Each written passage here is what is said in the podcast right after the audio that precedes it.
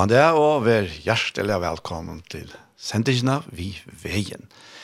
Verster er Daniel Adol Jakobsen, og jeg sitter her i studiet Kjei og i Havn og sendte. Og tekniker kommer er Tor Arne Samuelsen, som alltid. Som jeg nevnte før, så er han ikke alltid her i studiet noen, men han er alltid til deg å hjelpe. Kjølt, ja, ja, det er teknikeren der er så helt annet standant. Og han... Uh, sendingen ut det, så atle er mer affære at som vant, at leser hulaja og spiller tonelag, og så får jeg få en parst av hjertemål, en parst som er tidsen opp i Søltafire, og en parst vi får sendt ut det, han er tidsen opp i Elem i Søltafire, et sånne kvöld, i oktober, til til Men vi får lägga fyra vi och i det vi sänds någon kvart var världen utan Jesus och till Jens Lisberg som synger.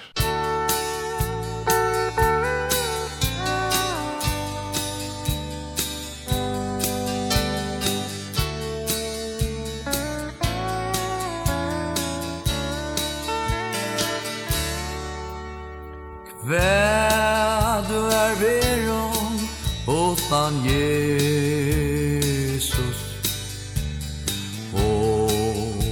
av gode vanna vær.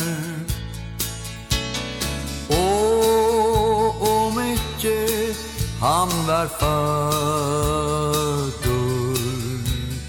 En søgn deia domon bær. Og da støtt og hjelpar lov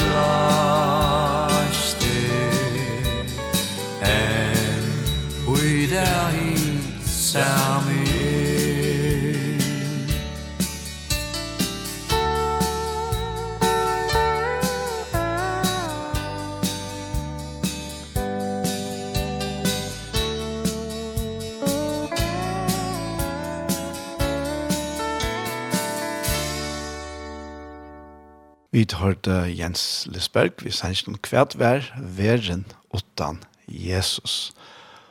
Og um, hesten her sankeren til er en egentlig kjente sanker som Jakob Olsen Selda Fyre hever, hever ist. Og han ist han tar han la sjukker oppi av ja. sanatorien oppi Høytelån. Ble unker, og, men uh, han blei han blei en eldre maur, til han mamma sier. Og nu får jeg vite at uh, høyre jeg får spille en sang la samme sang tverrferer, men uh, kvarsen utgave. Og til er sangeren uh, som har dansken eit Mjate alltid vanka. Og han får ikke spille dansken, men får spille føreskån og norskån.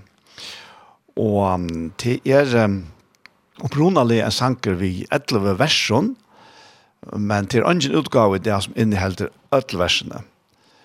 Uh, jeg mener at han uh, førska tøyingen til Axel Torker, han hever 8 vers, 8 eller annet vers, 8 vers mener jeg, og han uh, norska hever uh, hever uh, jeg hadde bare 3 vers, men til akkur vers er arvuse enn det som er i uh, i det føreske utgavene. Så vi færre først til at høyre, høyre Heina Lutzen, vi uh, sender noen mot hjerte tilhalt hever.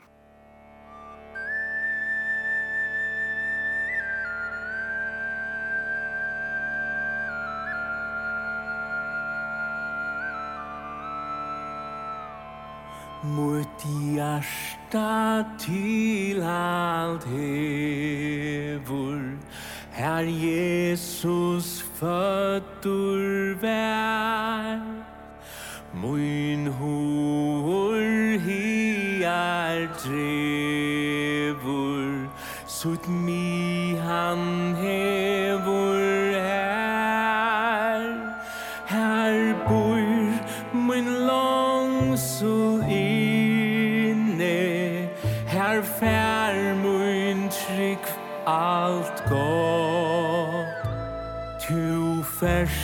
mer eiur minnet, tu fagra jo.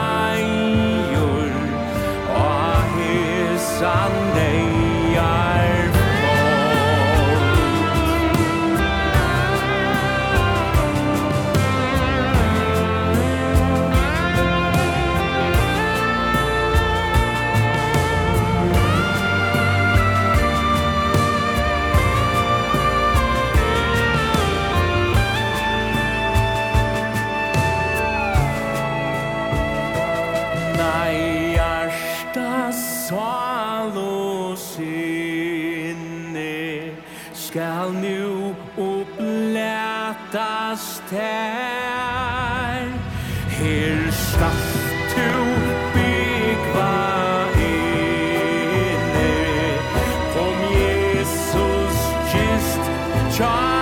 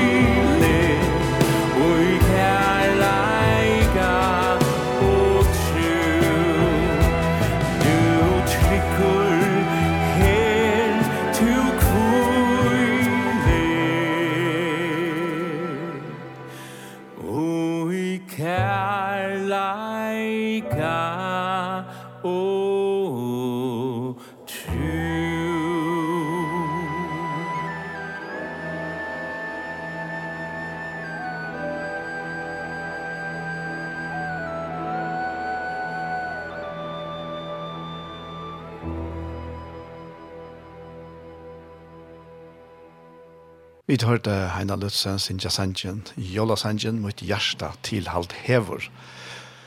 Og som sagt så er dette her en dansk sjanker, mitt hjerte alltid vanka, og det er en sanger til Brorsson, en sanger som han ikke i 1600 og 31. Og um, han var ta prester her i Sojulandet, og det var egentlig trykst avvirka, men her var så her var en um, en dansk uh, kyrkje eisne og, og den tyske. Jeg vet ikke det var samme, samme så med kyrkje, men, men, men han rønte så bra sånn at uh, stand imot uh, det tyska trysten til at han kom til Salmasang, og han er en rikvig av Salmon her, i Tønna.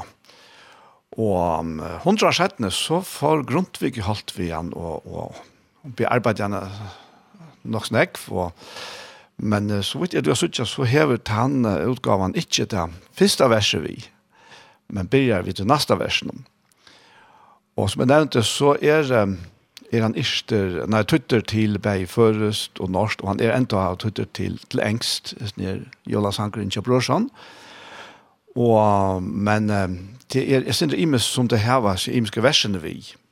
Jeg måtte være å leite til jeg sa at den sangren som vi nå får høre vi Sissel Kirkebø, at den sangren har et vers vi som er ikke dødde at um, suttja i det første utgavene.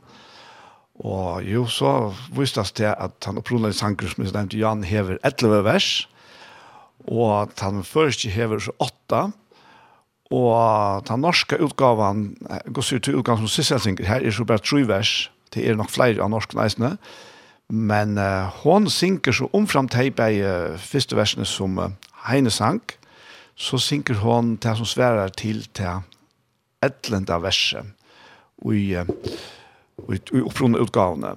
Og til joar såleisene, jeg gjerne palmegrene vil om din kruppestrø, for deg, for deg alene, jeg lever vil og dø.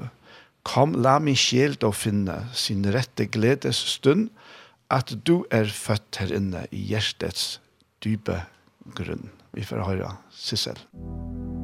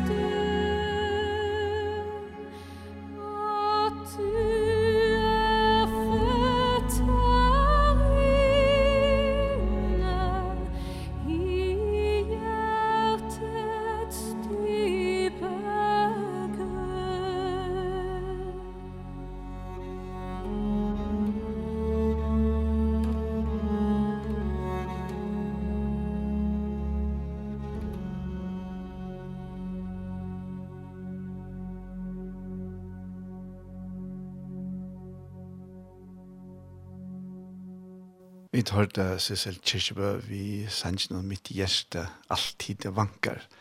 Ein jolasanker tja Brorsson som er tog til til norsk og først og engst og sikkert andre leisende. Til det, nu er alt med for at lese og hola. Og til er um, et uh, vers, en, en, en, en linje som jeg kom til med en atter nå fra Sørsta Migdeie, og til er i samband vi Zacharias og og Johannes Døybaren. Og til å være her, ta, og han sier, um, ja, ja, Nei, jeg skilder meg nå. Lykke. Jo, her. Ta i Zacharias, ta at enda. Og i atles, når forløp noen her som er fer framfor man han ondan, så han tenker sin rett og i te eisene. Ta sier han, lovar veri Herren god Israels, tui han hevur vitja folksutt og lost ta ut. Og ta som så er gynge fyrir seg framan undan her som er, jeg skal ikke være lese alt det, men bare takke ui til hendingene, til er til Zacharias, ta i han hever vakt i tempelen, det har vært vaktaskifter, og han har så vakt nå, ta kommer Angel Herrens til hans herre og sier honom at han nå endelig skal få en sånn, det er blir gift i lenge tøy og var bliven eldre, for ikke å si gammel folk, Elisabeth, kona Zacharias og Zacharias, og de hadde kanskje aller helst oppgivet vågne om å få et baden. Men så kommer angelen her og sier vi han, og han, han, han begynner bare å peke at han er tullig omstøvner, mest nok, altså, man finner ikke enkla vidtjen, altså, oha. Uh knappt en angel her og sier det til vi han og det er helt tydelig for han at det er en angel her som ständer här. Og han lyckas for han er ivast og hvor jo det han ikke är naturlig. Og, og han spyr angelen, hvordan kan jeg vite at det kan være så här nu och angeln säger vi han skal få tecken. Det var så ikke at han går og tecken noen. Du angeln sier vi han at du skal være malläser. Jeg sa tydna med han. Det bor i et baden noen, faktisk. Da. Og, og det är inte kunna tala Så fra tog løte jeg, så miste han forleggene av tåsa, og måtte kommunikere vi å skrive. Og det gjør det han så alle hese her togene. Og med han teg så bor jeg etter hese her batten, og så, så er det en annen enkla vidjan som jeg kjenner øyla vel, og det er Maria som fer vidjan av enklen, og fer vidja til at han skal få av Guds son.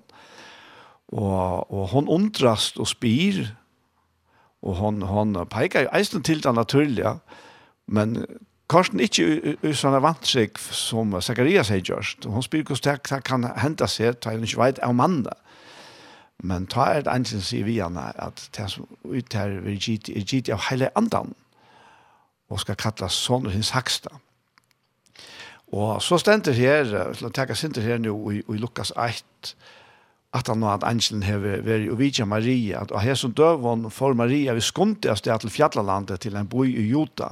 Hon kom inn til Zacharias og helsa i Elisabeth, og angelen hever forresten fortalt fyrir Maria at eisne skilkona til Elisabeth er vi badna, og hon fyrsa vidja henne.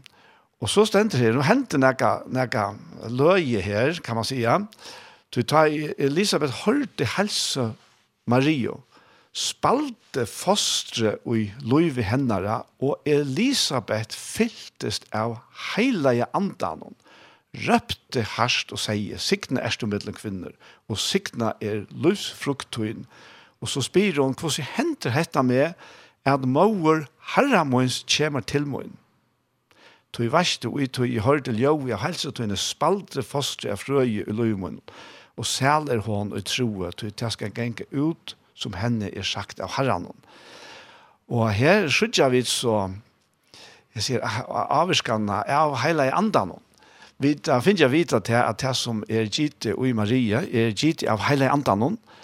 Og nå tar vi, vi, vi, vi, lyftes sånneren til eller ja kong snappla som att att lyfte ta gammalt alltså här tja tja Elisabeth som så blev Johannes Döparen ta i i ta et her boar møtast, ja, men ta møtast fostrende eisene og i måløyve. Jesus og i måløyve tja Maria og i Hannes døybaren og i måløyve Elisabeth. Og ta boar i kylkon, men det er ikke det som gjør det, men det er hele anden er her. Hele anden er til steder her, og ba om for Og det skapar liv og i tja Elisabeth, hun fytles av hele andan, og det er fantastisk da. Og, og på en måte så er det her enda det, det som vi merker, vi som er født av hele andan, født av nødjon, at ta og vi møtast.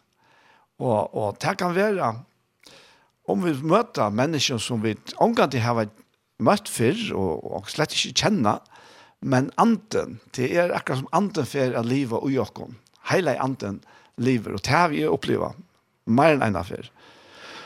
Og, og Maria, hon fers atter, og heter alt sort, sort profetisk, tog, tog, hvordan kan Elisabeth sige hette her, at, at hvordan hender dette med at mor herra kommer til mån? Altså, hvordan vet hon det? Og det, vi har fått ikke opplyst nærkast seg, hvordan hun vet det, Og det råkner jeg bare vi, og det er at det er hele anden som forteller henne det. Ta og det her møtast. Og kommunikasjonen ta døven hver, ikke han som er det. Og ta, så, så reagerer Maria. Ta sier Maria, salmoen seder herren høgt, og anden min gledes i gode frelsere munnen tog han hever seg til tjeneste kvinnesøyne som så lydig hever at tøya. Ja, etter hetta skulle allar atter prysa med sæla, tog han er gjør storversk vi med, han hin veldige, heilat er navn hansara. Alt etter alt er miskun hansara iver taimon ui öttast han. Han er gjørst veldig versk vi og han er spjatt sunde tær som hukmauer er ui huksan hon hjertna syna. Han har støyt høytingen og hasat og sett hei høgt som lyti til heva at tuja. Svonk hever han mett av gåun gaven, og ryk hever han lete færa vid tomen hånden. Han hever tidje seg av Israel tænare synden, for at minnast miskunn mot Abraham og avkomme hansara, såleis som han tæleie til fedrar okkara. Og Maria, hon stekka nu en av trudja manna i og så får hon heima til sin kjøls, og så kom tøyen tja Elisabeth, til hon skulle eia og hon åtte sånn. Og her hendte så at her imska vi at at familjen her og hvem folk er rundt om til begynner å blanda seg på ut og nå dronker føtter og eldre så vera man gledast. Pappen får han ikke sagt enn og, og ta han så åttende dagen skulle omkjøres, og så atle et falskje her å kalla han Zacharias etter feir hans her. Men, uh, men Elisabeth, hon, hon protesterar, nej, han ska äta Johannes, säger hon.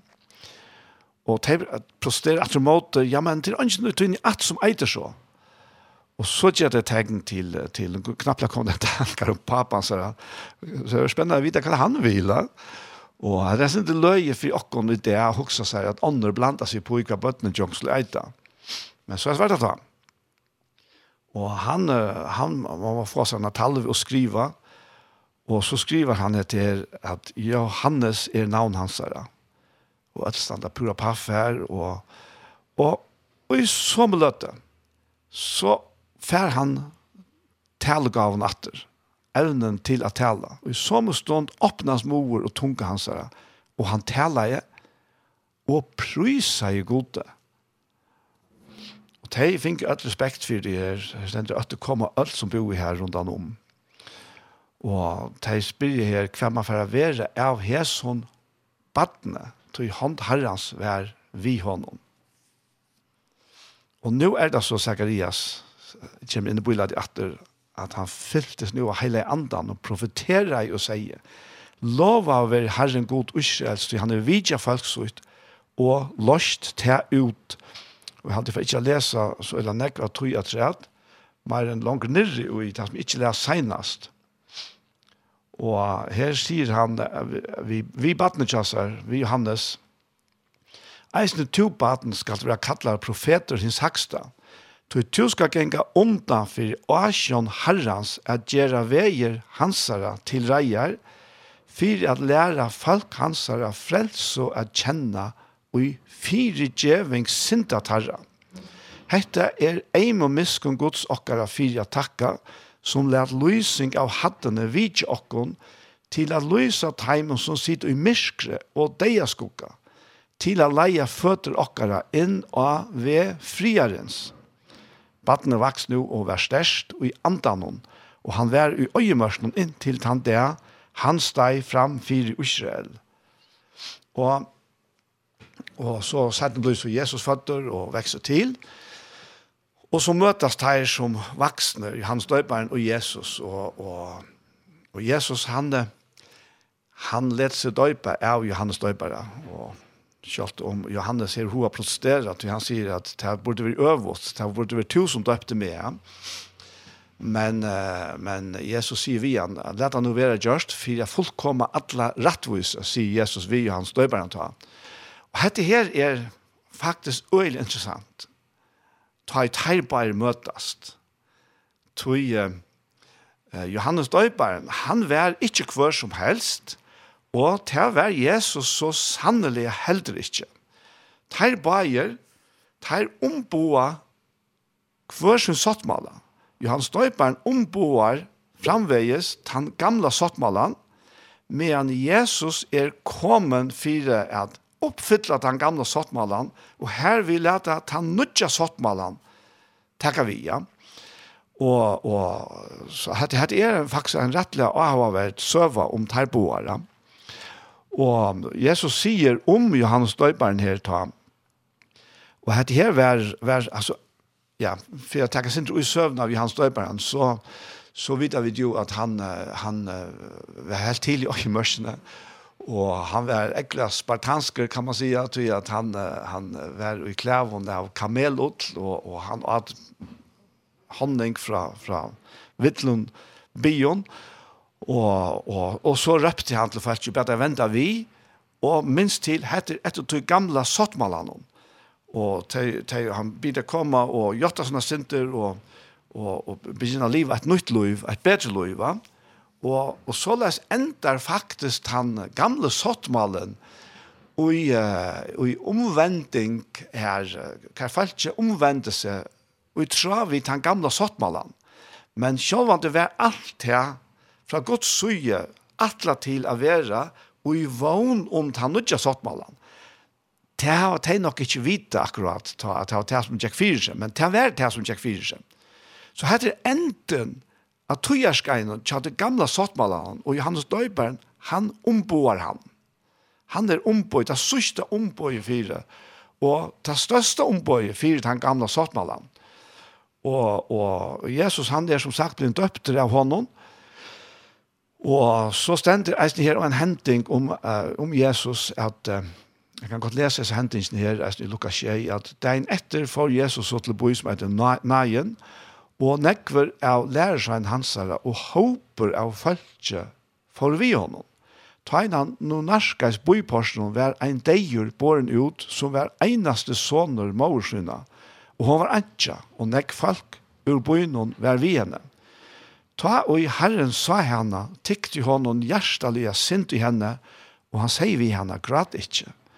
Så steg han til og næm vi børna og teire og stekk av Og han sier, Unge med over, jeg sier til her, reis til, ta reist inn deg i seg og for å tale. Og han, altså Jesus gav mor hans herre, han, ta fall øtte av ødel, og ta prys av gode og søtte.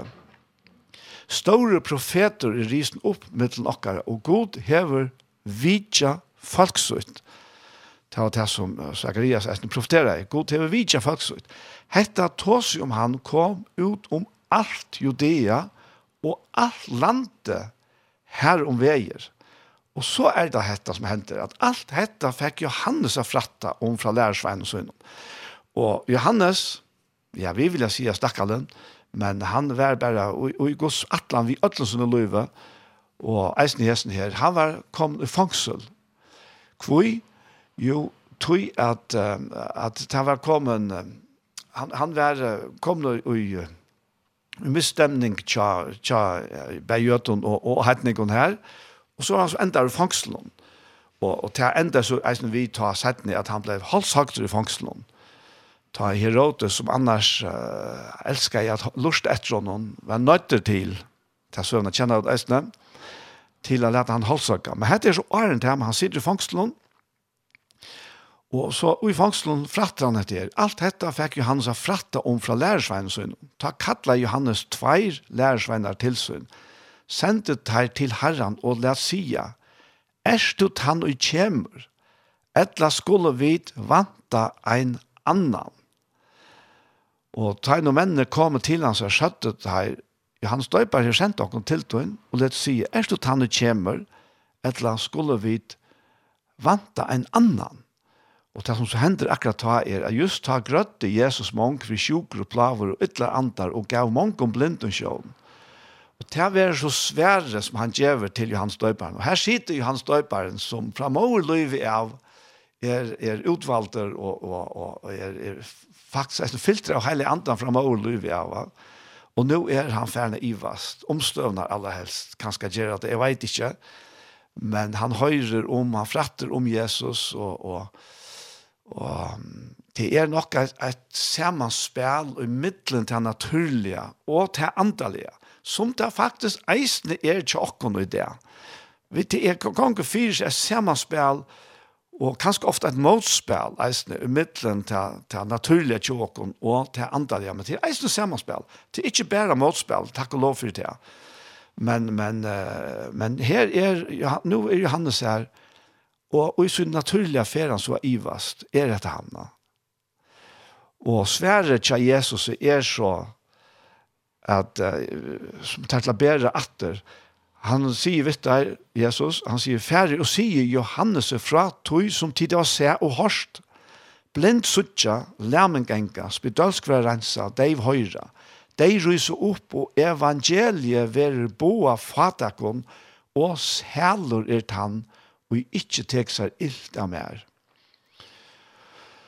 Og ta og sendt men Johannes og Ferner, tog han å tale til falsk om Johannes, og han spyr til, hva får du ut i øyemørsene suttja, rør og svadjar fire vinteren, etla, hva får du ut av suttja, mann og få inn om klævån, ta som genga og dyr om klævån, og liva og gøkka, det er i kongshøtlån, eller kongahøtlån, etla, hva får du ut av suttja, profet, ja, sier tikkun, og meir enn profet.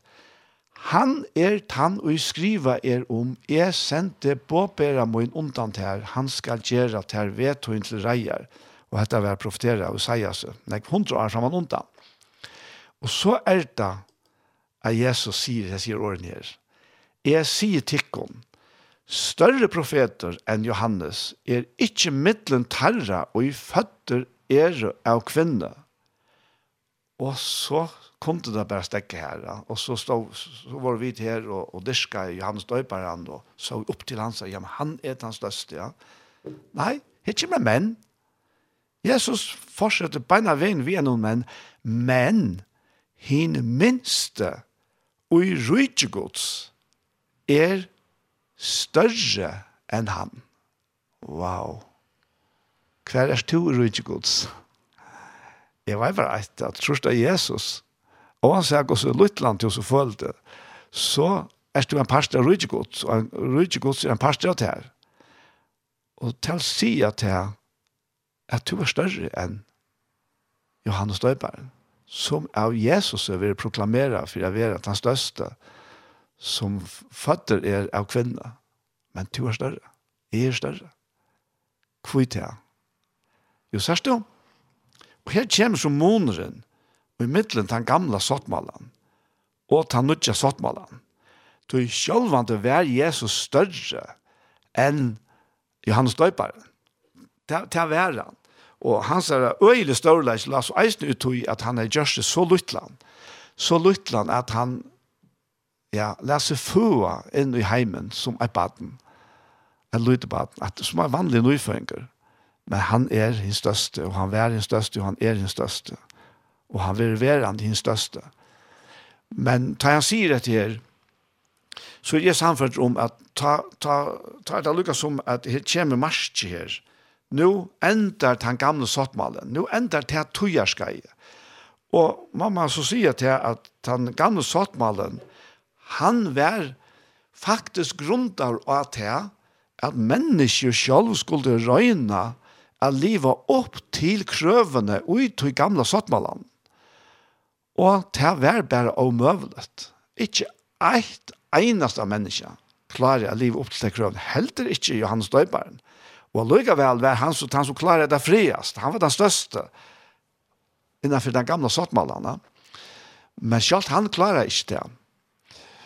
Og, og, men ta så Jesus sier, men i minst i rydgjegods er større enn han så er det tog at Jesus er kommet for at gjøre en nødjan sattmåla som ikke er grunntar av hva det er og vit som mennesker klarer. Hva det er vit makta i forhold til Guds absolutt heiløvekrøv som vi er omboet i ut i gamla sattmålan. Vi klarer det ikke. Helt ånden av oss. Men Jesus, han er hin nødje sattmålen. Og fyrir at han kunne bliva til ham, så måtte han bliva menneska som vi. Tog måtte han bliva holdt, som det er sagt i, i Johannes kapitel 1, og var holdt. Hesten her som alt er skapt vi og alt er skapt til, kom inn ui til skapta sjolver, gjørtes menneska akkurat på samme måte som to er. Og, og han måtte så fære i jøkkenen, alt krøvene tja det gamla sattmalan. Først einaste eit bå og først einaste eit krav fra det gamla sattmalan var sett opp imot Jesus og han oppfyllte alt. Fullkomliga alt oppfyllte Jesus. Ödl lova rinnar krøv. Hei, han bare snava og einon av taimon Ja, men så var han som støv som vit så kunne han Kvarski bjerga seg sjálfun, etla bjerga okkon. Men han stå røntena fullt og helt. Og det kommer så øyla kraftiga fram her og i, i øyemørsene.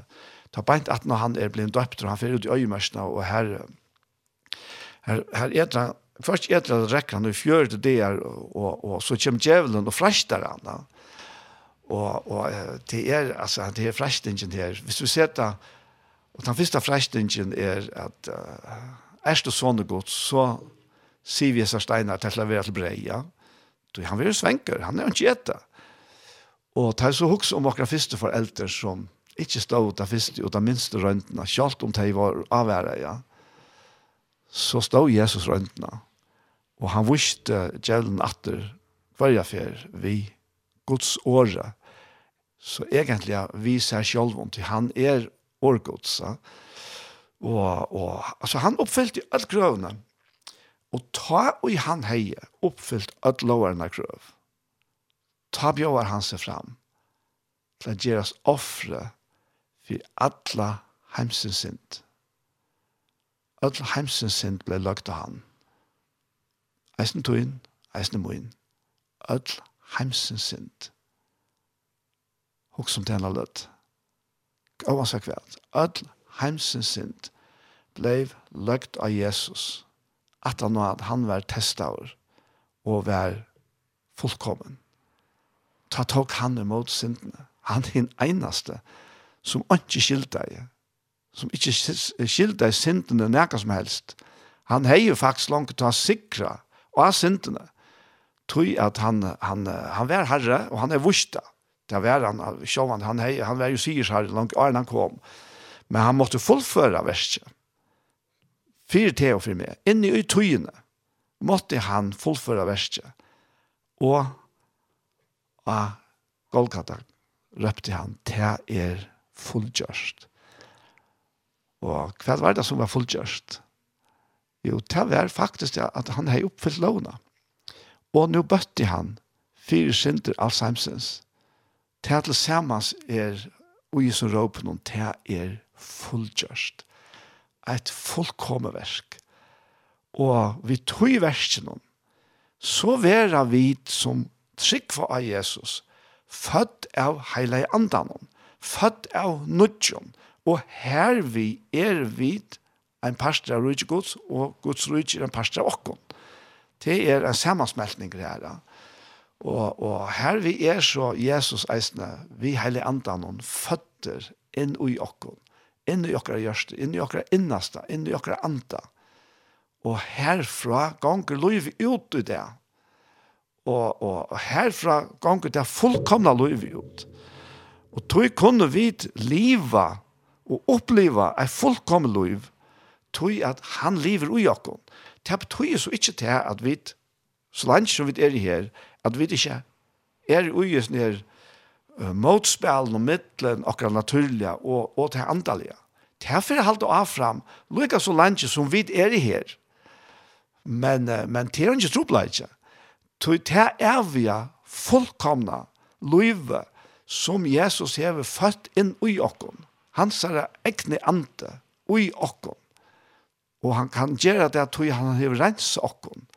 Vi som er fullgjørt av verste av Golgata, vi som er blå i her, rens okken, og gjørst okken klar til at hele anden kan teka bygg vi okken. Og han fer aldri nærkrant og fru okken. Omkant og. Og han sier om vi kunne, hvordan vi kunne føle okken, etter, alt etter som omstøvner, eh, altså, færa vi okkona, og vi kanskje akkurat som Johannes där han, han sitter här i fångslån här och han hör bara om oss väldigt och tog in ja men kvi är inte en pastor och tog och, och han kanske han fer att ivas då det kan ju hända för och en eisne ett omstånd men eh, vi tar inte för nej att sända några fyra och till Jesus till Jesus bor i och han er okkon så nær at han kan ikke være nær. Han bor ute i innersta, tja einan og kvarjon, som tror han. Takk og lov for det. Og ja, jeg halte vi får takke all experiencen der, og ta verer vi, ta verer vi sendte noen lytla Jesu baden.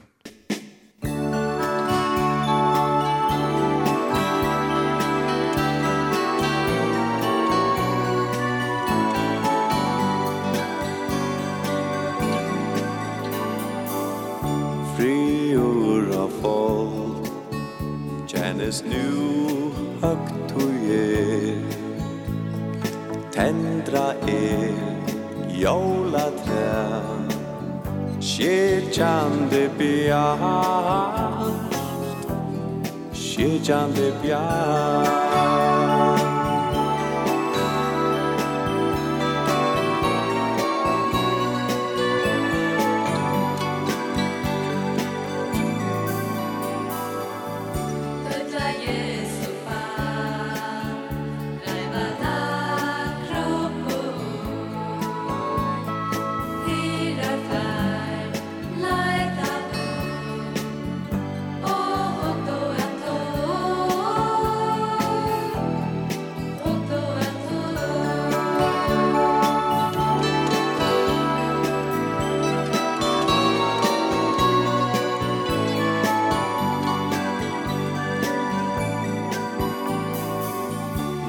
så badne Heimsyn store frelsare Manna at han elskar je Og av sjolvan se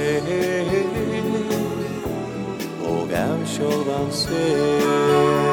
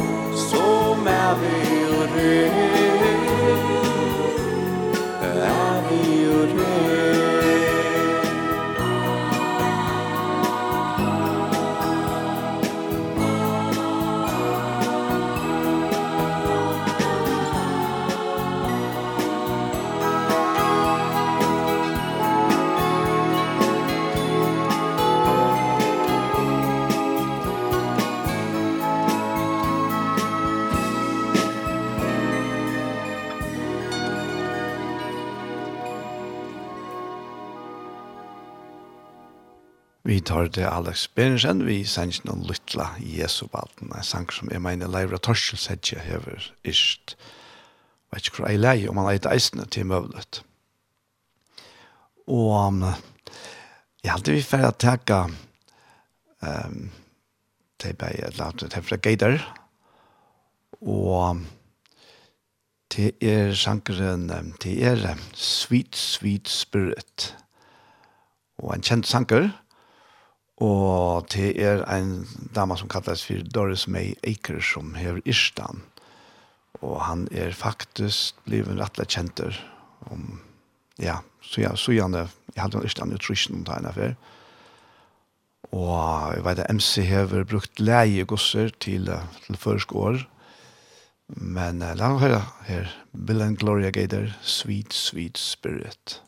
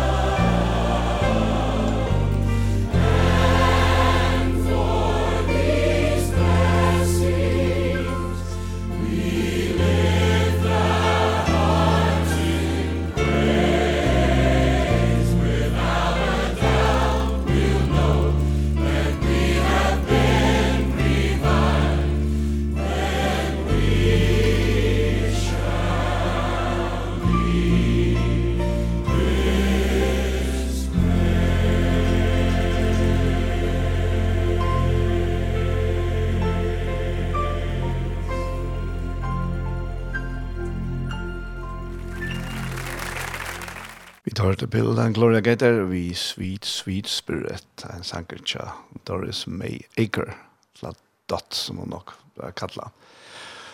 Og han er veri brukt nekst til disse store møterøyene rundt om til en vi kjent som har brukt han. Og, men dette er det som Jesus kom for jeg jo kom det er dette hele andras liv hette her som fyller okken vi gods kærleika.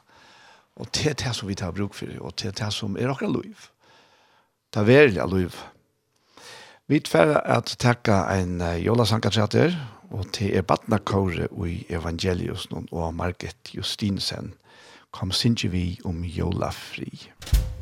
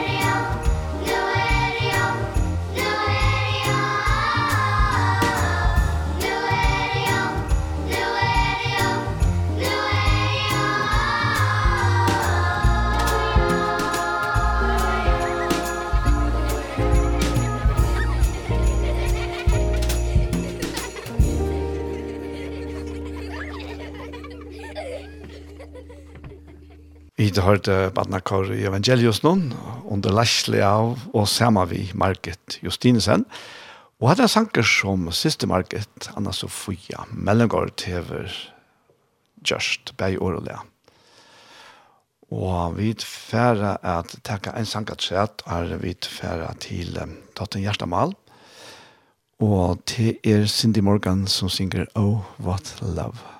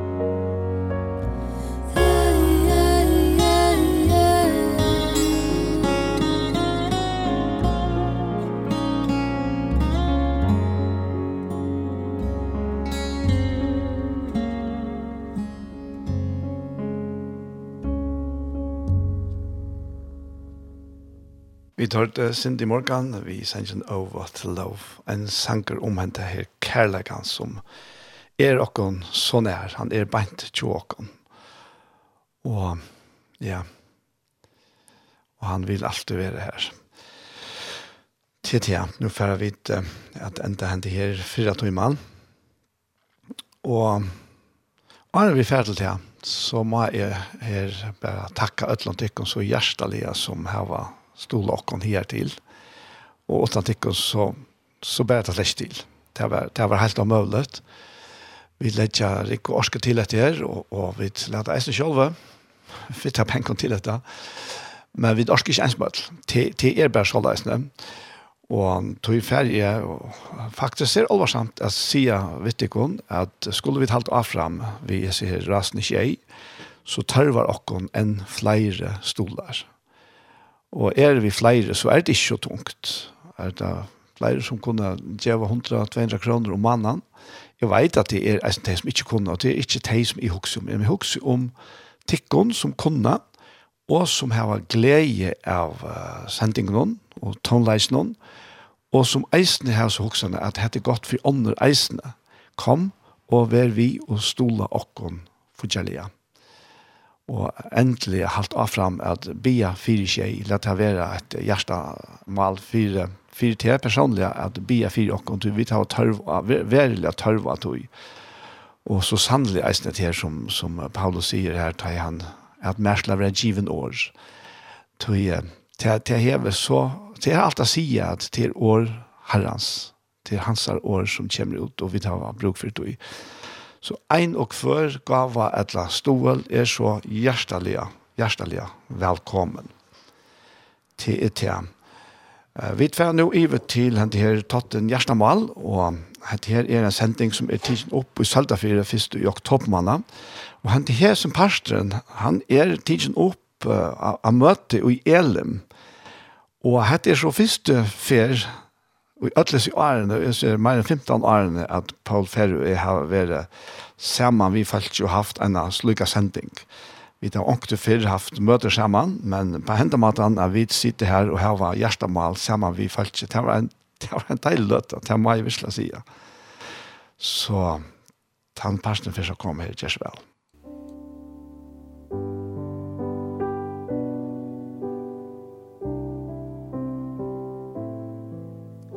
Hei tid, så er vi atter her vi Gjerstamal. Og hesfer er ein munter av. Te er te, at nå er det ikke bare vi bare, Paul, som sitter her. Men nå er vi inne i Elem, og her er folk som sitter og møter her, og som høyre åkken boer. Og uh, kanskje ikke beinleis sending, kan det her sende ikke vi opp. Og så er det sendt ikke til settene. Men uh, jeg får takke for og allita og at vi er bjóar inn her til at gjerne sånne sending, og det er nok så spennende for jokken at vi vet ikke ha rønt på hendamaten før. Men det er det suttet seg her, fitt snøyen her. Så, til til. Og jeg vil for å være akkurat som vanligt, akkurat som om vi er ensomadler her, kanskje. Vi ikke, jeg synder på at vi kvørst, men... Og hente her sendingen, hun eiter jo Gjerstamal, Og la meg lukkes presentere dere. Jeg heter Daniel Adol Jakobsen, og samme vimmer er Paul Fære. Og han kjente eiter Gjerstamal. Det er ikke her, ja. Det er en totteren her som vi så takk opp her i Elm. Og det pleier å være så at jeg får spørre Paul hva herren har lagt av ditt hjerte i det. Ja. Ta jeg og jeg fratt om etter her som skulle være her kveld, så Så ble det tre eh, vidskifter som taler oss størst mot hjertet. Og det er dette å være løyker og avlærte venn. Det har leser jeg om i, i Apostasjonen 4. Og så er det et annet til dette som uh, kommer til Salor Tassos, knapplige, ved møtter av Jesus. Og til han lærte meg av. Og, og han var av med til øyen og i tog som han var lærte. Men det gikk bare ikke møte tog som hese leik og avlærte menner prætka om Jesus Kristus og i kapitel 4. Og han kommer så ikke nøyt av for i kapitel 9 i Apostasøen. Da Jesus møter honom og han ble beina hos han om hvor han er. Tog han sier, jeg er Jesus, han som du søker er. Det vil si at de som han søkte er at Det var det som var Jesus. Ettersom Jesus selv var seg. Så nå var en brøyting hent at han av Jesus var uh, fatter og deier og opprisen og færen klemmas. En veldig brøyting. Så nå var alt det som tror av han et likam. Altså samarbeidet vi et likam.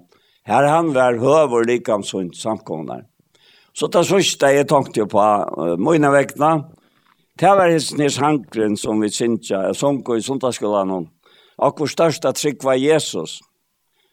Han er unger er, og til ljøs og glæv og batna tog. Og så er det dette her uttrykk her, Åren sinta øytre, salar løyven og skea kjer, kvila Jesu, eim og armon oi. Og så i øren verset, og sørste pastren er av tog versen, ta og sinne fyrst av sind og vantrygg for marska er, ta er tungt og trekt av venta vi. At det er tungt er bare enda vi, mine vekna, og det har alltid vært så løs at, at vi tar kunne ta oss om det som vi tar tidsi fram, saman, og til å være mer enn veldig rujtjødømme. Daniel drev meg inn i dette her samfellet vi ser for 16-16 år så gjerne, Og ta vi er ikke vi nekkar unge med av vårt, og jeg er tru jo for snu, så hvis jeg trekker 16 fra, så vet jeg dit at jeg var langt og gammelt da. Og TV er så rujtje døm for meg, at jeg då bare ikke å forklare fra det. til vi var da nekka, og jeg, jeg slett ikke dømte, så var det å være opptidgen, og så var det til å være sunt fram. til jeg helt slett ikke til at det var min oppgave, men herren brøtte alt det. Så Daniel, takk for det. Ja, jeg er ser takksamere for det. Hette her, altså, som Herren har lagt fram. Og jeg minnes for nå, Sjøen Nekolar Sjåan, at uh, det var sånn at det brente jo i meg at få mennesker at tåsa beint ut fra hjertet. Og jeg tok sånn det her totten fram til lintene vi kallar for hjertemål, som er en parst av morgensendingene, hver og jeg så ringte til folk, halvann tøyme og en sending byrja jeg for at jeg ikke skulle få tog av fyrregas. Og det enda jeg galt så å si hver eneste fer. Ja, men hva er du ikke ringt til Jørskvalde? Jeg sier, du ikke vil vilja. Jeg vil øyla gjerne hava til at du tåsa til som ligger av hun hjärsta nu. Og vi finner flere GoPro, det har slett det. Men det er alle som standard heter her, at folk vil gjerne til at jeg skulle få tog av fyrregas, ja. Men, um, og, og av listan her, så heier så eisne Paul Ferre Og første ferie ringte til han, så hadde vi det sånn, noe klunta prat, så sånn. Men langt ære ferie, så kvakta som med på, altså, jeg sitter i køtjen til ham selv, og jeg kan ta seg av alt farge folk. Ja. Det var, det var noe som gikk opp for, for Paul da. Ja. Og så tre eller fjøre ferie, da jeg ringte til han, sånn. Så sier han, du, jeg er beint utenfor havna, kan jeg ikke bare komme inn til den? Jo, finnes jeg slik. Og her blir jeg, vet du, Og det hever vært så som faktisk alle togene, at vi tar bare tåsa sammen. Altså, onkre hendinger ferie byrja vi, så kom Paul ved noen flere sånn ørsken som han har skrivet seg forskjellet opp, og han hukte omkring til på meg, han sier hukte nu i ørskene, og det var jo akkurat det som vi ikke ville, men uh, jeg slapp fra allukall å si han nærkast som helst via. Den neste fyrir, da kom han vi omkring på på Han fann det av sjolver til at, at det var ikke akkurat meningen. Men Og, og så har jeg kort av sujane, og vi, det var faktisk ånka til vite hva vi får snakke om. Det er lukket som ånka til avtale hva evne vi skal teke, så å si. Bare lukket ånken, ånken til Leslie har sagt at det lukket hos som hatta. Det er det, hva sier du, Paul? Ja, jeg, jeg skal lese fyra vers opp her, i Apostelstående fyra. Daniel visste ikke om dette for en jan, da jeg ringte Norrøy, og jeg sier hva jeg hukk seg om. Jeg har slett fortalt om det så skulle det atler og alt folk Israels vita, at vi navnet Jesu Kristus, Nazareans, som tid krossfesto, men som god vakt i offren og deg, vi hånden verur. Vi hånden er til hesen stenter fruskur for jeg og tykkar. Dette var ta med av den nye apostelsøvne troj, som Petra er til Johantna, og han ble grøtter. Han er støyneren og i vreka av av tykkon som bygda, men som er våren hottstøyner. Og frels er ikke nøkron øron, heller ikke nekka annan navn under himmelen givet mittel mennesker, som tid skulle være frelst vi. Ta i tar sjøvåk for se horester Peter og Johannes Vauro og dotta Sutja, at det var avlærter og løyker menn, undravstøyr, tar kjente tar atter, at tar etter vere vi Jesusen. Og at det er et underfullt uttrykk av å løyker og lærte med over. For alt det er min største høyer. Tog jeg veit til at bare være til er en fire måneder til god. Tog er så kjøtt som vi er spilt av nøkron, som vi kunne være, altså nå må jeg antallet, og jeg kunne om, så er som Saul og Tarsus vær. Så er av metalig at tors først, at letja til evatter, Det skal være veldig mye til å lette til avvater som vi talte rett. Og det vet vi alt som har sterske meninger, det har vi alltid haft, at det, er, det, er, det blir en krosser å bære, at tøytte naturlige mennesker vil sette søyes, og at du ikke langer vil råkne for nækka. Så i Paulus sier og i 4 Korinther og troi at kvarset han og, og plantar, eller at han og vattnar, er tøy nækka hvordan det vi til er til nekka, til rønns. Og hatt han så med av vøker, maliska føreskom. Jeg, jeg vet ikke om jeg har funnet det noen når det male. Hette, vi er rønns. Men så er vi da lykkevel alt. Så alt som vi er, sier Paulus, er det av Guds nøye. Og nøye hans er ikke vært lønns med mer, Tog jeg har vi arbeid møyren tar atler, men bare vi har sier hatta, og i fyrra korintbrev av Tutsjo. Så teker han på en av etter og sier, «Tau ikke jeg, men nå er jo godt som hvem er er». Og hatt det største vit som er tryggvand i øye løyven, nå er jo godt som vi åkne er. Ja. Ja.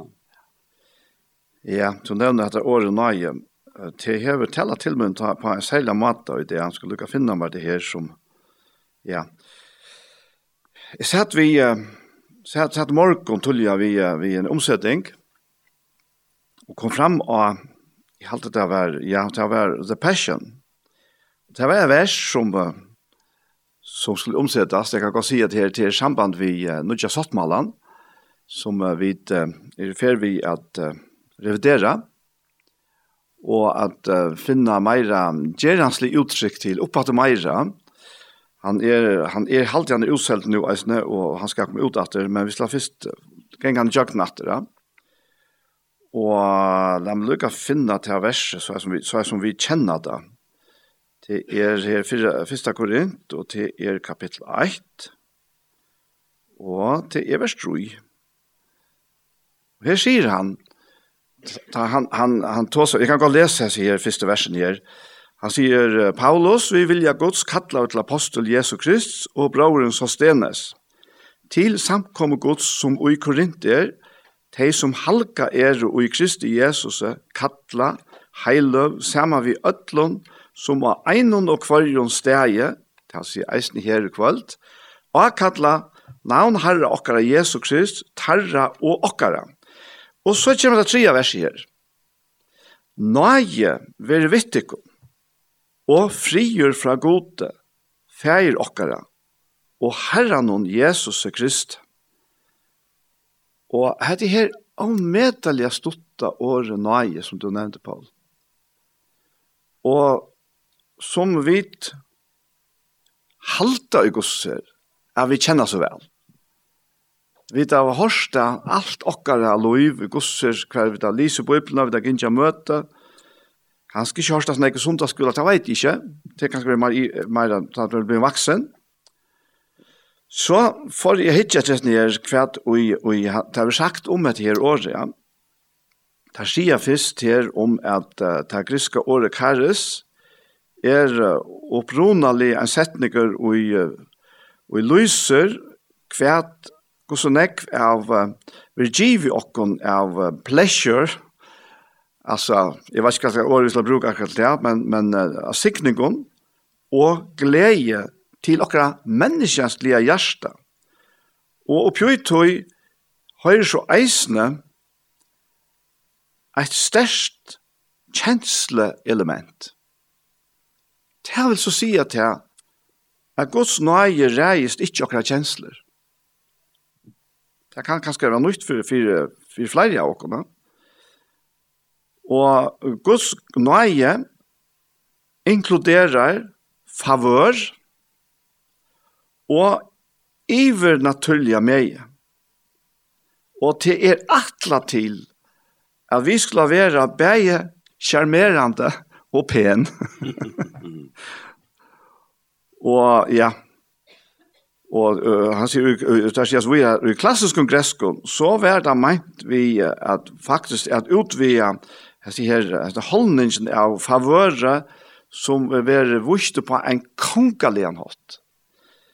Det har vi sagt om, om nøye, og så prøver jeg bare å lese omsette til her, så, så som passion, the passion hever omsette. Og her sier Paulus at jeg ikke fire tikkene, at gledes fylt nøye, og enda leser frier fra gode feir okkara og herran og Jesus og haldande verur tikkara sannrønt. Altså, gledesfyllt nøye og enda leser frier er atla til a fylla okkara gjørst. Ja. Altså, jeg må si for meg, jeg heter så størst, jeg heter så kraftet, jeg så kraftfullt, at ta og hette her slipper a være okkar sannrønt. Vi tar dit til til ønske som sækar okk. Til ønske som skalar okk. Og henda her kraften her, hette det som gjør menneskjen ut. Hette det som løyser mennesken fra tog gamla, naturliga løyvnån som er, vi har nevnt, at synden er faktisk som en naturkraft, alltså en tyngdekraft som alla tvinna hala mennesker nye, och vi som människor vi får ikke själva litt oknum fra. Mm. Det nevnte Paul Eisen og Jan, ja. Yeah. Vi får ikke løst dere sjølve. No. Men henda kraften som faktisk ble utløst av krossen ta ui Jesus gav opp andan. Ta i han etter at han viser noen løyve, viser noen blåe, hei gjørst båt fire sinter tja kvarjon alls heimsins. Det var det som hendte jeg kross nå, at all heimsins sint, altså fra, til alle tøyer, lagt av Jesus Kristus, og ta i blåa var uttelt. Sjalt løyve var uttelt fra honom. Ta bøtte til fire alla heimsins synd. Så her i kvöld, eller anker som lustar, synden er ikkje nekar som helst trobeleidje fire god i det. Toi han hev finnje bautna fire det. Det er bautna som ånden av okken var føre fire at gjalda. Det var det som Jesus bøtte fire av Golgata. Og så råper han av krossen, det er sørste, Fægir i hender tøynar gjev i andamun. Og ta ui så oppresten her verre. Han er saman vi lærersvenn fjörde dier. Og han bidrar boi etter tøy som han skal gjeva dem. Men så tøtje dierne til så kvitsuna kommer.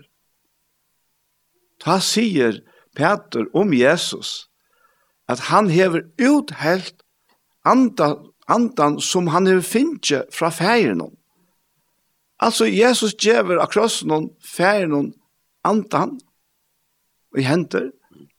Færen djever en andan atter til å uthedla iver okko mennesker. Og hette han løskraften som er førfyre at løse etter hvers menneske. Sjølvan det er da øyne måneder av at man er unker og at man er gammal.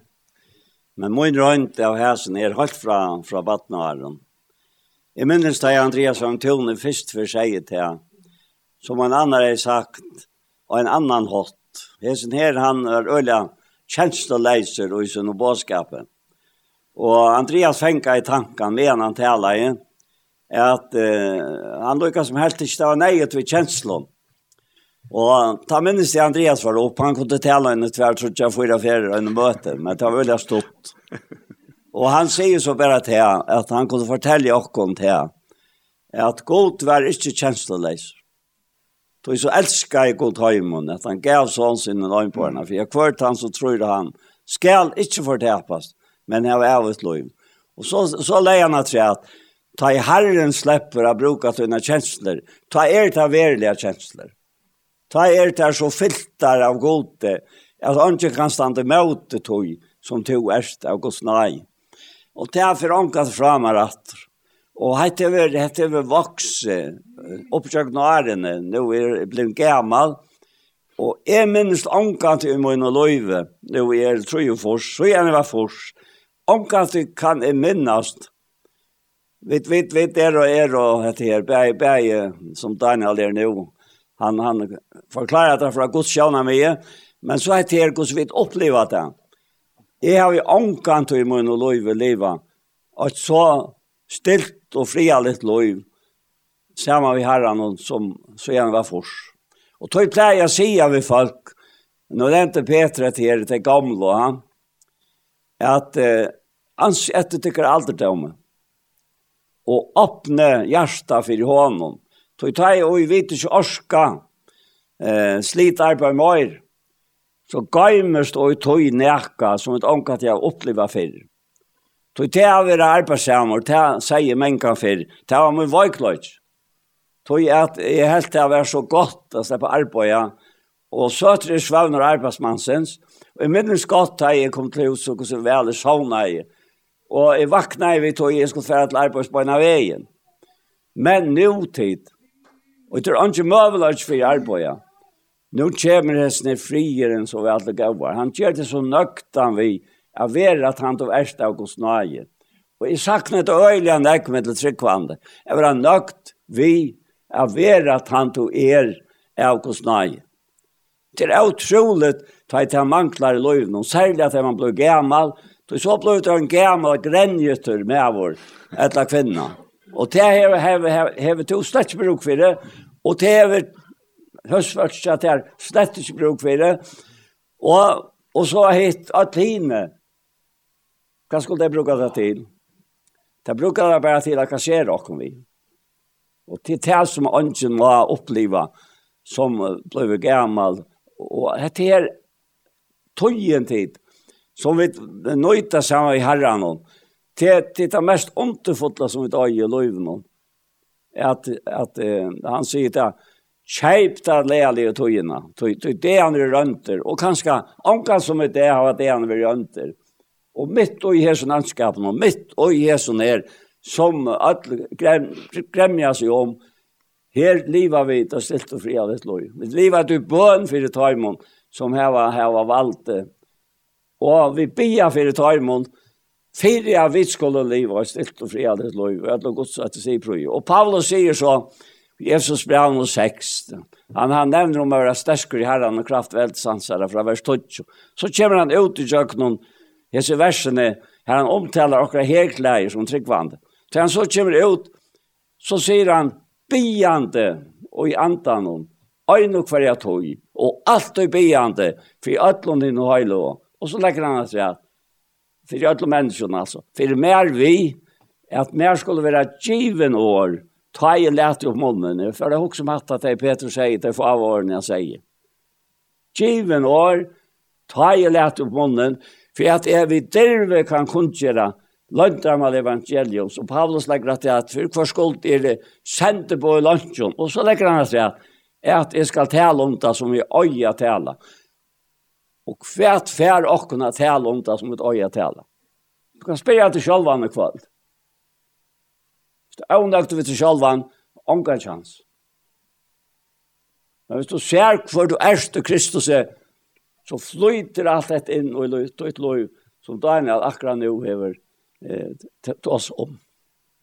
Og det var det som apostlene åtte her, og i apostlene som er fyra, de kunne lese det selv. Tar, hvis du anker av for Jesu mannen, og han for bjøve at han taler i Jesu navnet, men hva satt du tar Ja, hva satt du der? Vi kunne ikke lette være vi at tale om det vi da ser og hørt. Og tar tak og tar vi glede at loja for hans skål som tar tant og elskar. Atid, vi sitter inne ved en øyne og øyne og en rydgjødømme som ønsken kan gjøre åkken, og den er Jesus Kristus. Ja, Du, jeg, den sanger det vers som kom til meg nå flere fra skystene. Ja. Det er en velkjent sanger. Han er nummer 644, så jeg ser bogen, nødje bogen her. Og til sjankeren, og for viner er av Jesus. Han som sorger varar bær. Store forratter er bæra. Alt til god og kvile her. Og han fri vil mengan sakna. Og er tømt og avnøyt strøy, tog vid ei av fotlun hjersta, søtja god og einatøy. Og det som jeg husker om i denne sambanden er, hette her er søtja god av fotlen hjärsta. Hva, hva er det?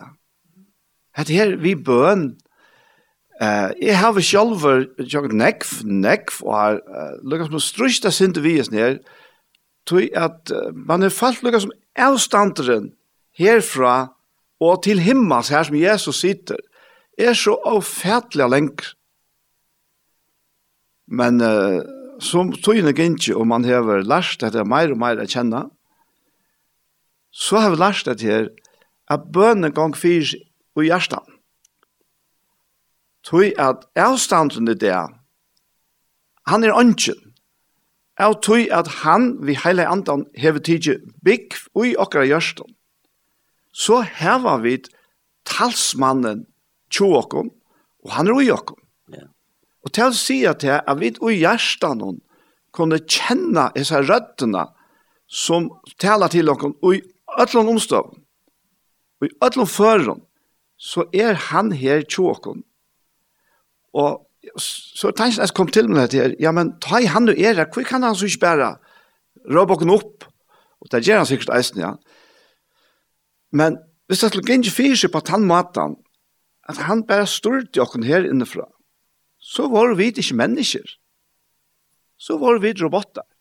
Så sier han bare her og programmerer oss til å gjøre akkurat som han ville. Og så var det ikke mennesker.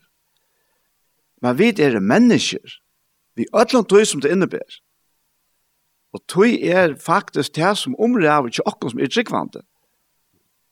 Det er at Jesus er Herre. At han er Herremoden.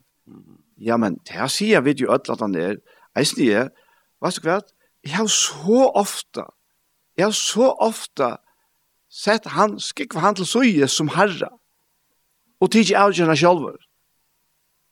Og hesta ofta det er kjeil og på sjur tøy.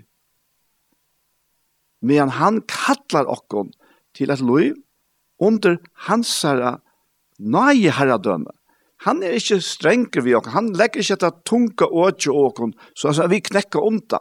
Tverster måte. Han sier åk er gagnlegt.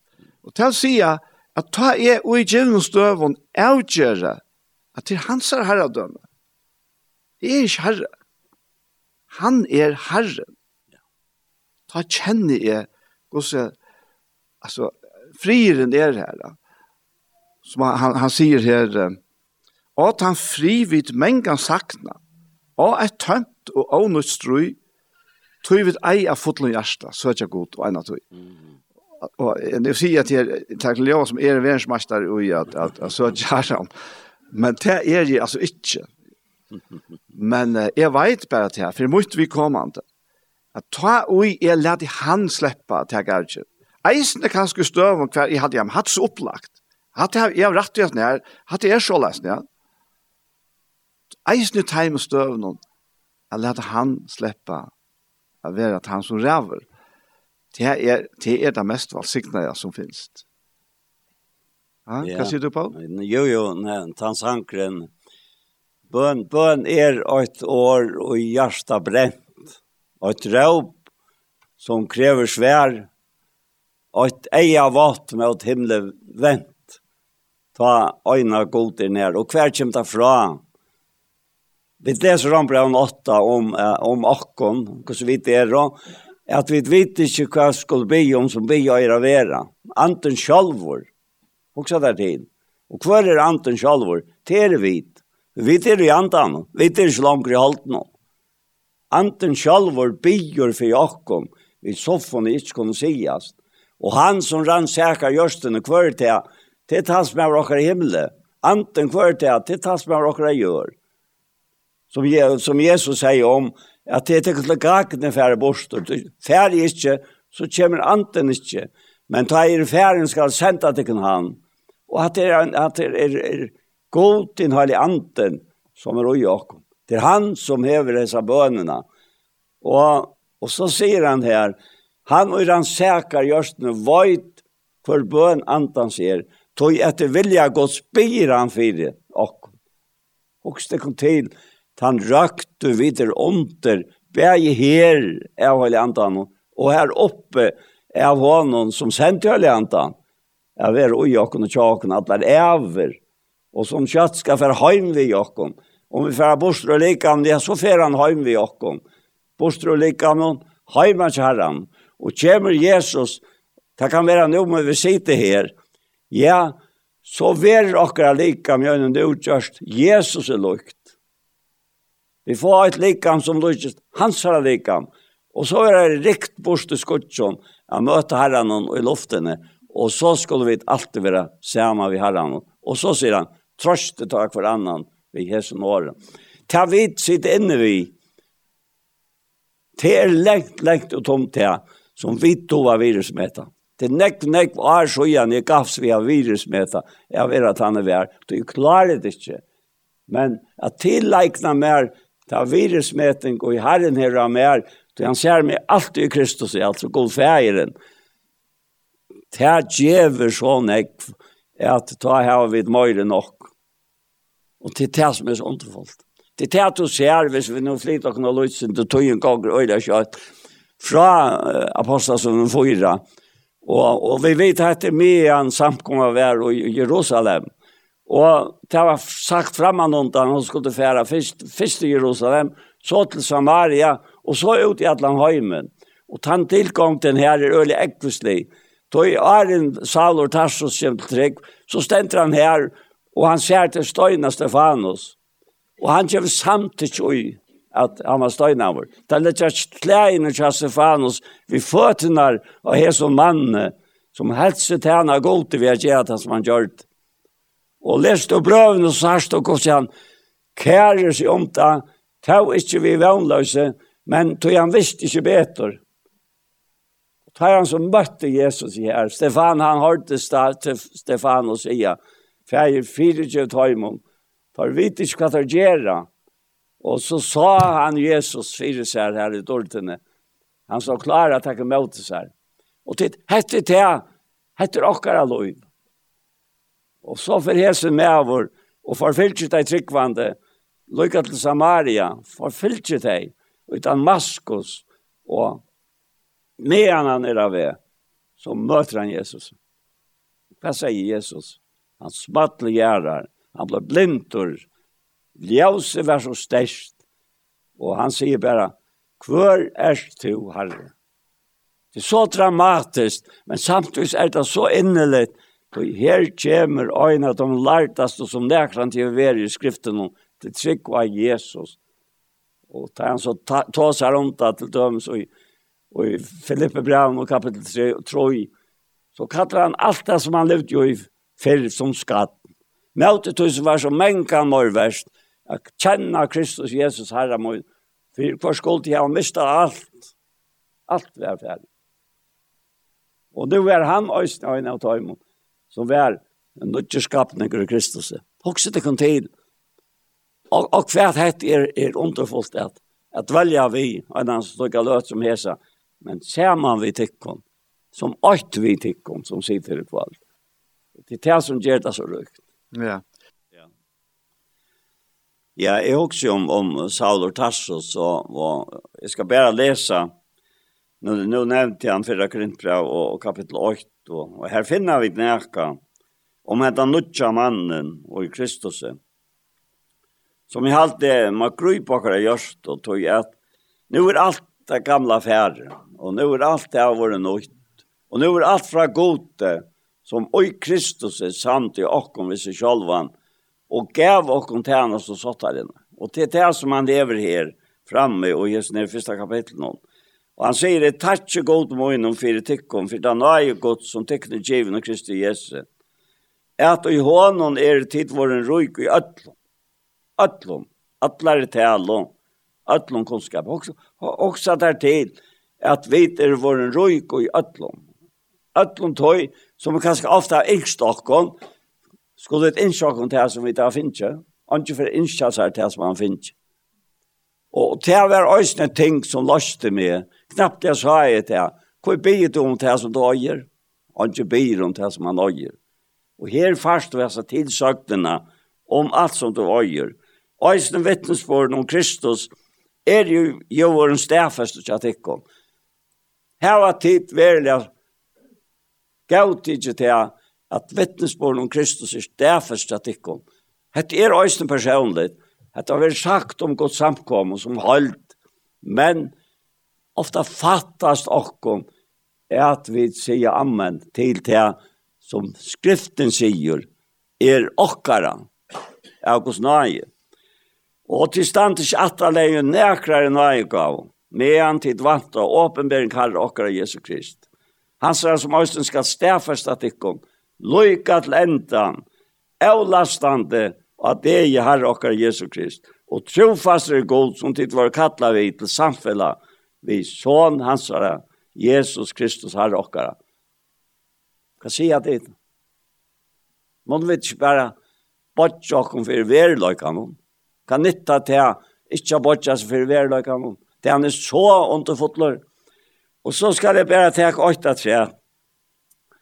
Som Paulus sier øyne her i kapittel 8 og 2. Hoksa der til, hvordan røyk og god det er.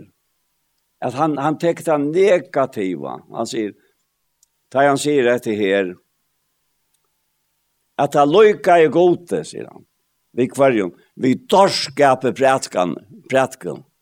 Paulus sier ikke, helt til det var dorskape fyrir, så langt som han helst kunne gjøre neka fyrir god. Men nu skriver han sjalvor, at han løyka i gode, vi dorskape prætkanar, av frelsa til som tryggva. Hvor står det pennen og nå?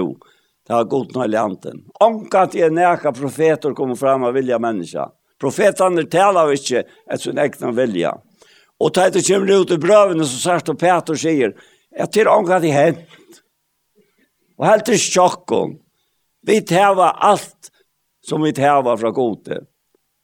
Allt gör människa törvar, säger Jan Störberg. Det må ta få åmane fra. Det er alt gav gav, att folk kommer gav, kommer åmane fra, sier Jakob. Hon kommer nye fra feir ljøsene. Her er ikke brøyting eller skiftende skudde tja. Og kvøy. Og så kommer det til rannsakende verset, vers 18 og jaksbrøy 8. Tøy etter vilja så innom, fatte han okkon vi sannløys åre. Så vi skulle være kvært fromgraver skapning kansar. Og han sier vi med, ja, men det er Jesus ikke fromgraver. Jo, Jesus er fromgraver, det er Kristus. Men vi er det vi honom då tog vi drøyt. At det er så røykt, at det er så godt, som det var som vi er inne, ja. Ja, at det er, at det er så, at det er eisen så størst, at vi tar faktisk ongan chans vi her oppe i høtten noen aroma da, etla fæta da. Og, og, og tog er det at talsmæren er givet nok. Fyrir at han, som Jesus sier, eisen om talsmannen ta og, og han, ta seg vitt der her og i hans fyrstam. Han skal teka av mer og kunngjøre tikk. Og det er som i middelen, uh, man kan si at torran, deian, bokstav, som eisen er neivor, for så vidt da, og så loiv, livande loiv, innan og jokken. Ja, sikkert sagt det før, men, men jeg lukker som suttje firmer at for meg selv, så jeg opplevde det. Føtter og oppvaksen i sundagsskole og av møte, og, og jeg tog i alt. Jeg tog i alt. Men det tok øyla lenge tog, forholdsvis, jeg var lukket unger, til at det kom flott her ur høttene og nir og hjertet. Og tid, året og seg selv. Det er akkurat som, som, som fræ, som er livant. Men så lenge som det ligger av gømsle, så, så, så, så, så, så du ikke at det er livant. Du opplever ikke at det er livant fræ, du, du ber her oppe. Men la det komme ned i hjertet. Og hjertens måltene, kan man si. Og det er rett i omstøvner, For er ikke atle litt av gømsle, jo det kan være hent inntil det skal ut i måltene. For er atle at vi har satt ut i måltene for jeg blir avvøkst. Og til det som er det her, det her livet som Jesus har vunnet oss, til det som gjør månen, fra at det er, man kan si, bære år, til at det er anti og liv, ui og vi årene. Det vi får heller ikke løst årgods fra andagods, eller andagods fra årene. De bare tingene henger sammen, og til sammen så virker det liv inni i her. Og det er en øyelig måneder av, det er en øyelig måneder av at kjenne og oppleve til at nå er det ikke bare her oppe. Nå er det et liv inni i her. Ein nærvære av gode sjølven. Ein endaleser frier, som er les, omsett i Janne, og ein nøyesfylt, eller ein gledesfylt nøye, som fyller hjertet, og det er i munnen. Hette her er givet til alle mennesker. Og vi kjenner jo årene som alltid var lysen i jålen. Ta, og, og, ta jeg enslig sier at jeg kun gjør til en stor glede som skal være fire alt folk. Altså, god undantag ånga. Fyre at vi öll skulle ikke bare eia, men eisen kunne njóta og liva hesa gleina ut som, som jeg kom ved Jesus. Hette har vi skriva til tikkara, sier Johannes, fyre at gleie tikkara skal være fullkommen. Daniel fortalte meg en for en av søven som jeg anker til å enda tids. Og jeg var ikke som han damer rent här tjena, men jo han passet seg vel inn og her. At han säger att de första tøyene kom sammen ved sina kvarna och ett av sina gentor. Så ber han alltid om at hon skulle komme til han ved inn i handcheck. Men hon ber ankat om at andra skulle komme til han ved inn i handcheck. Hva enda er det vi? At de smälte av sammen. Og i åkt. Och det var løsnet. Og det er det som ofta manglar til åkken som er tjøvn. At vi smelter sammen. Det er løsnen. Løsnen er å smelte sammen. Hver er høver til lika med søgnen til Kristus. Og hver er høver til kone til mæren. Han helst seg vita hvordan jeg skulle gjenka fyrir seg. Han skulle få henne så som han levde. Men Gud sier nei. Tidberg skulle smelte sammen. Och då är du bara här. Ja, ja och där sitter jag, hon sitter här. Och jag ska säga att det kom till han. Att jag mänka, mänka nog om att han så igen. Han förhalt mig då. Jag vet inte om sagt allmän. Jag hade inte. Men jag, alltså, jag har så hållt inte där snär. Smälta tog inte samman med Tunikano som med vår, som hade satt Tunikano. Jag missade det inte. Att du Kristus, vil her, at vi ikke smelter sammen i han. Han hever gjørst det, så han, han hever gjørst det. Og jeg, jeg trykker vi tog, jeg vet som er tjøn, eller særlig jeg vet menn, vet, er, jeg har alltid vært så ræv og tar nærmere. Jeg har omkatt Larsen, jeg så gjerne ble fors, altså, så jeg kunne jeg alle hvordan tar nærmere gjør det, altså. Og jeg minnes da jeg var på at Ottmar, mar, han klarer jeg alt, altså. Pura, automatisk nesten. Og jeg klarer jeg ikke. Jeg satt og stava i kvoss her vi forskar stavebøk. Først jeg lærer først for en tveier når vi var ferdig i skolen. Dotte dansk helt vel. Og jeg stava i HV, O, og dotte jeg sier det. Og hans der tror jeg er yngre bodgen spelar galven han sier kvoss. Jeg leier jo han halva han er alt, og han skulle ikke vite bedre enn det. Men kan ikke ta i det. Men så kom hette inn mot løy som, som Japp sier. At øttast herran er vurst av mor. Japp 80-80. og skudget ytla til vit. Makra du nu nekka? Og du farsta og til samansmelting som er mittlen til og herran Jesus. Det er han som gjørst det, det er ikke to. Og ta blei vi til fullnar nøkter. At man fjør inn innan vi var lakne, jeg drømte om å være lakne, men det var ikke det som er tøytning, for han var til at det er naturlige. Så mer var noe helt anna, naturlig, og man må kalla det naturlig. Jeg vet det ikke naturlig, det er dov jo ikke av naturen, men det er goddammelig.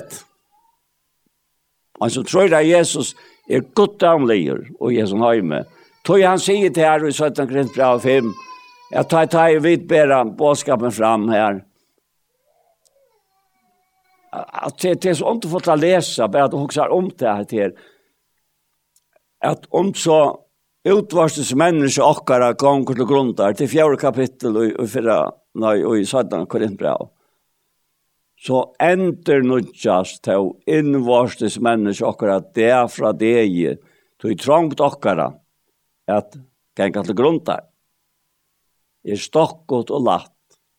Men hon viskar okkom ta negativa ta negativa her ganga til grunta viskar okkom i større og større iverflå er vi av fytling av dård Vi vet at vi har ikke det skjønnelige for eia, men det er skjønnelige, det er skjønnelige tøymelet. Hva er det hitt? Det avkjønnelige er evet. Her la løsene. Og her er løsene til øtlom. Ta vera vid, akkurat som godt vil heve åkna vera. Om vi er og nom, etla vi er er og er og, hva kallar det til det? Tarnom. Ha? Tarnom. Og om, om vi er, er tarnom, det er lykka mykje så godt. Man har en sikna etter her til akkurat gjørste kvalt.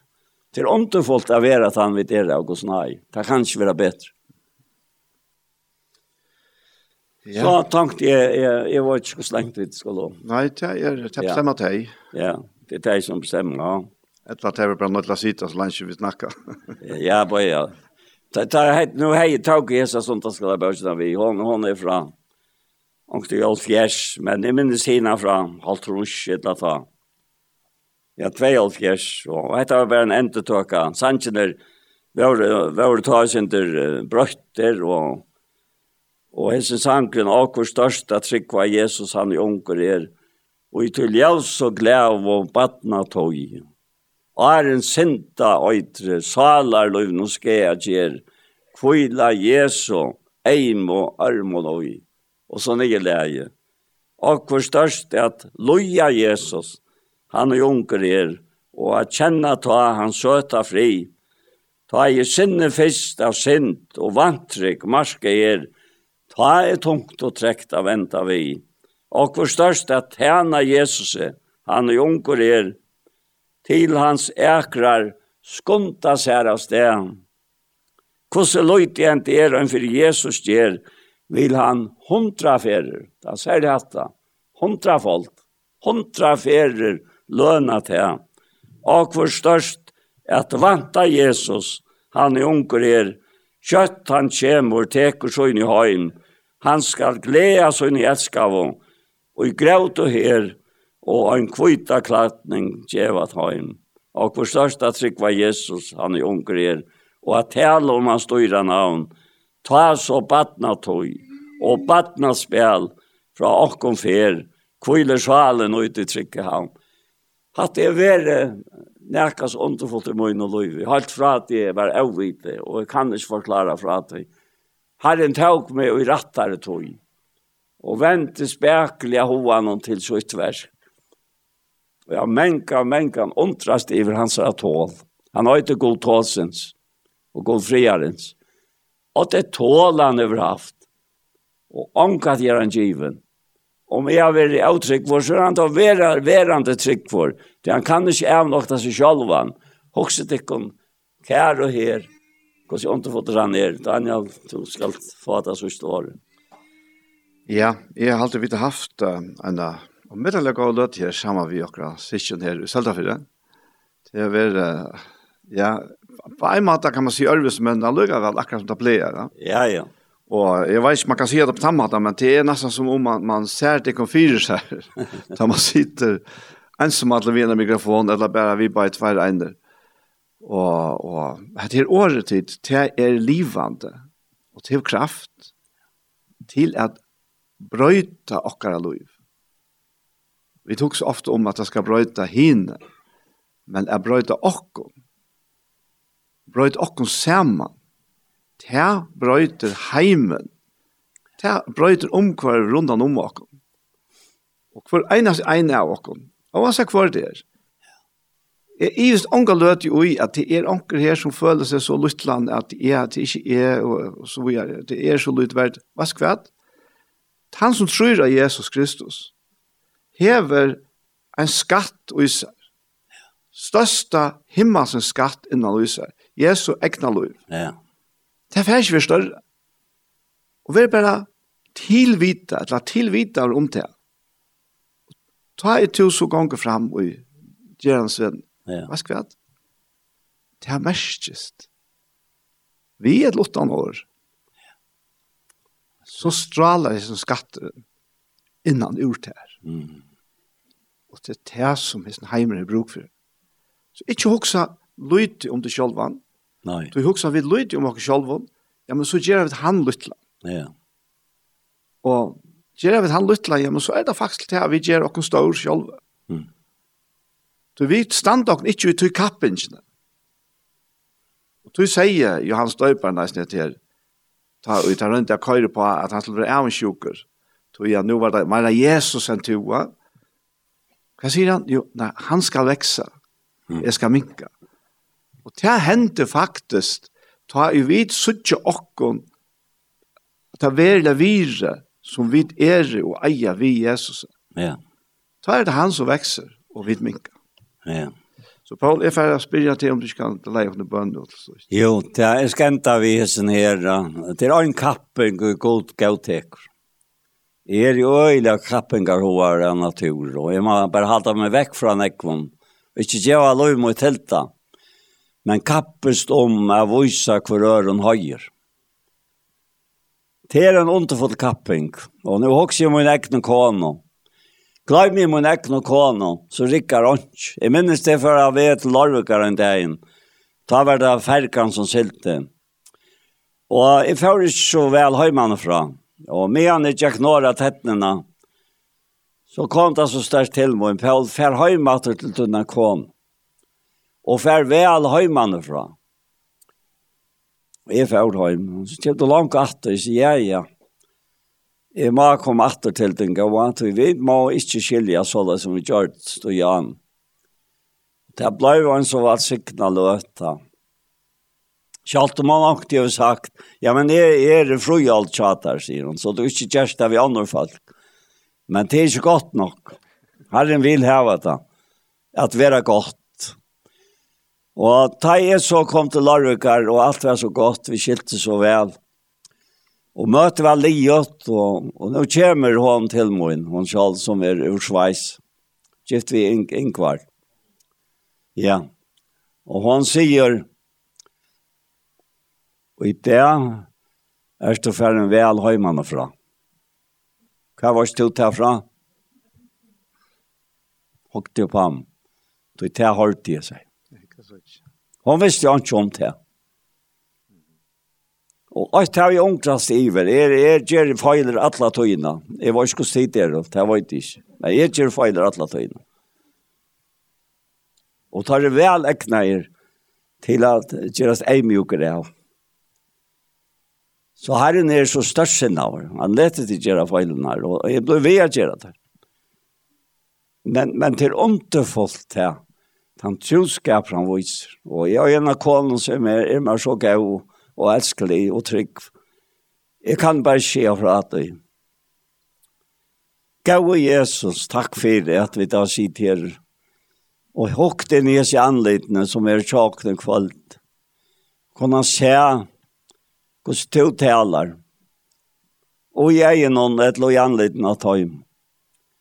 Og ta i møttøk er, som åpenberingen sier, at han er høyrer, høyre antan, herre, han som øyrer hever, høyre til som anten sier. Og til det som vi alle oss i det til her i kvart, ikke minst vi bare som sitter her. Høyre vi ikke antans rødt. Hvordan skulle så hinne høyre antans rødt? Og her ligger det han, at bøkstavren er deier, hvis anden ikke er roi, som til selv sier Jesus, tar struttes vi at toknast her, vi halta bøyene, men han sier, til anten som gjør livande, årene er av til alle, er å ante og er lov, og har takk for det til. Vart ikke til, så har større synd til ikke så var større grunn til at det ikke er sint i åkken enn nøkron øren menneska, sier Paulus. Men nu er Kristus risen opp fra en deg, som frumgraver tar i salene er, og kvært og ikke godt. Prøysa vært ut navn for Jesus stund, og alt det som her har vært, og alt det her som kommer, så ikke høyre til søttene, som er opptidt kjære kvalt. Vi takker til her. Og Jesu navn, amen. Amen. Ja, så får jeg takke for hese for, for hjertemål. Og jeg heter Daniel Adol Jakobsen, og sammen med meg er Paul Ferus og Ver. Og jeg får esne minne av at Iktus hever en YouTube-kanal, som det blir til å suttje alle hese parstene her. Og etter det så vil jeg ikke rett, og hatt til deg som bare hører det i utvarspet, er vi er støtt i Elem i Søltafyr. Takk for jeg, Sverre.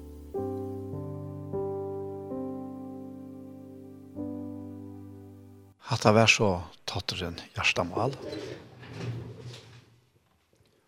Og det var en opptak som var gjort i Elm i Saldafir, og det var Iktus som hever tidlig til opp.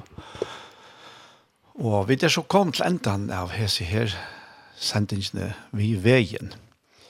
Men uh, la meg si fra at uh, settanparten det er så fyrt tar Arne å sende beinleis ur sandøydene. Så vi er endelig hengende vi her og Rasjei, eller Asjei, kristelig kringvarp.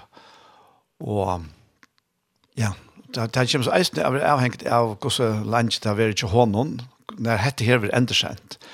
Enten blir det her endersendt klokken tjej i kveld, eller ta og han er liv ved sendinger her sorfra. Det er det, så etter det bare å si, tusen takk for Jesper. Takk for dere, takk so heimselig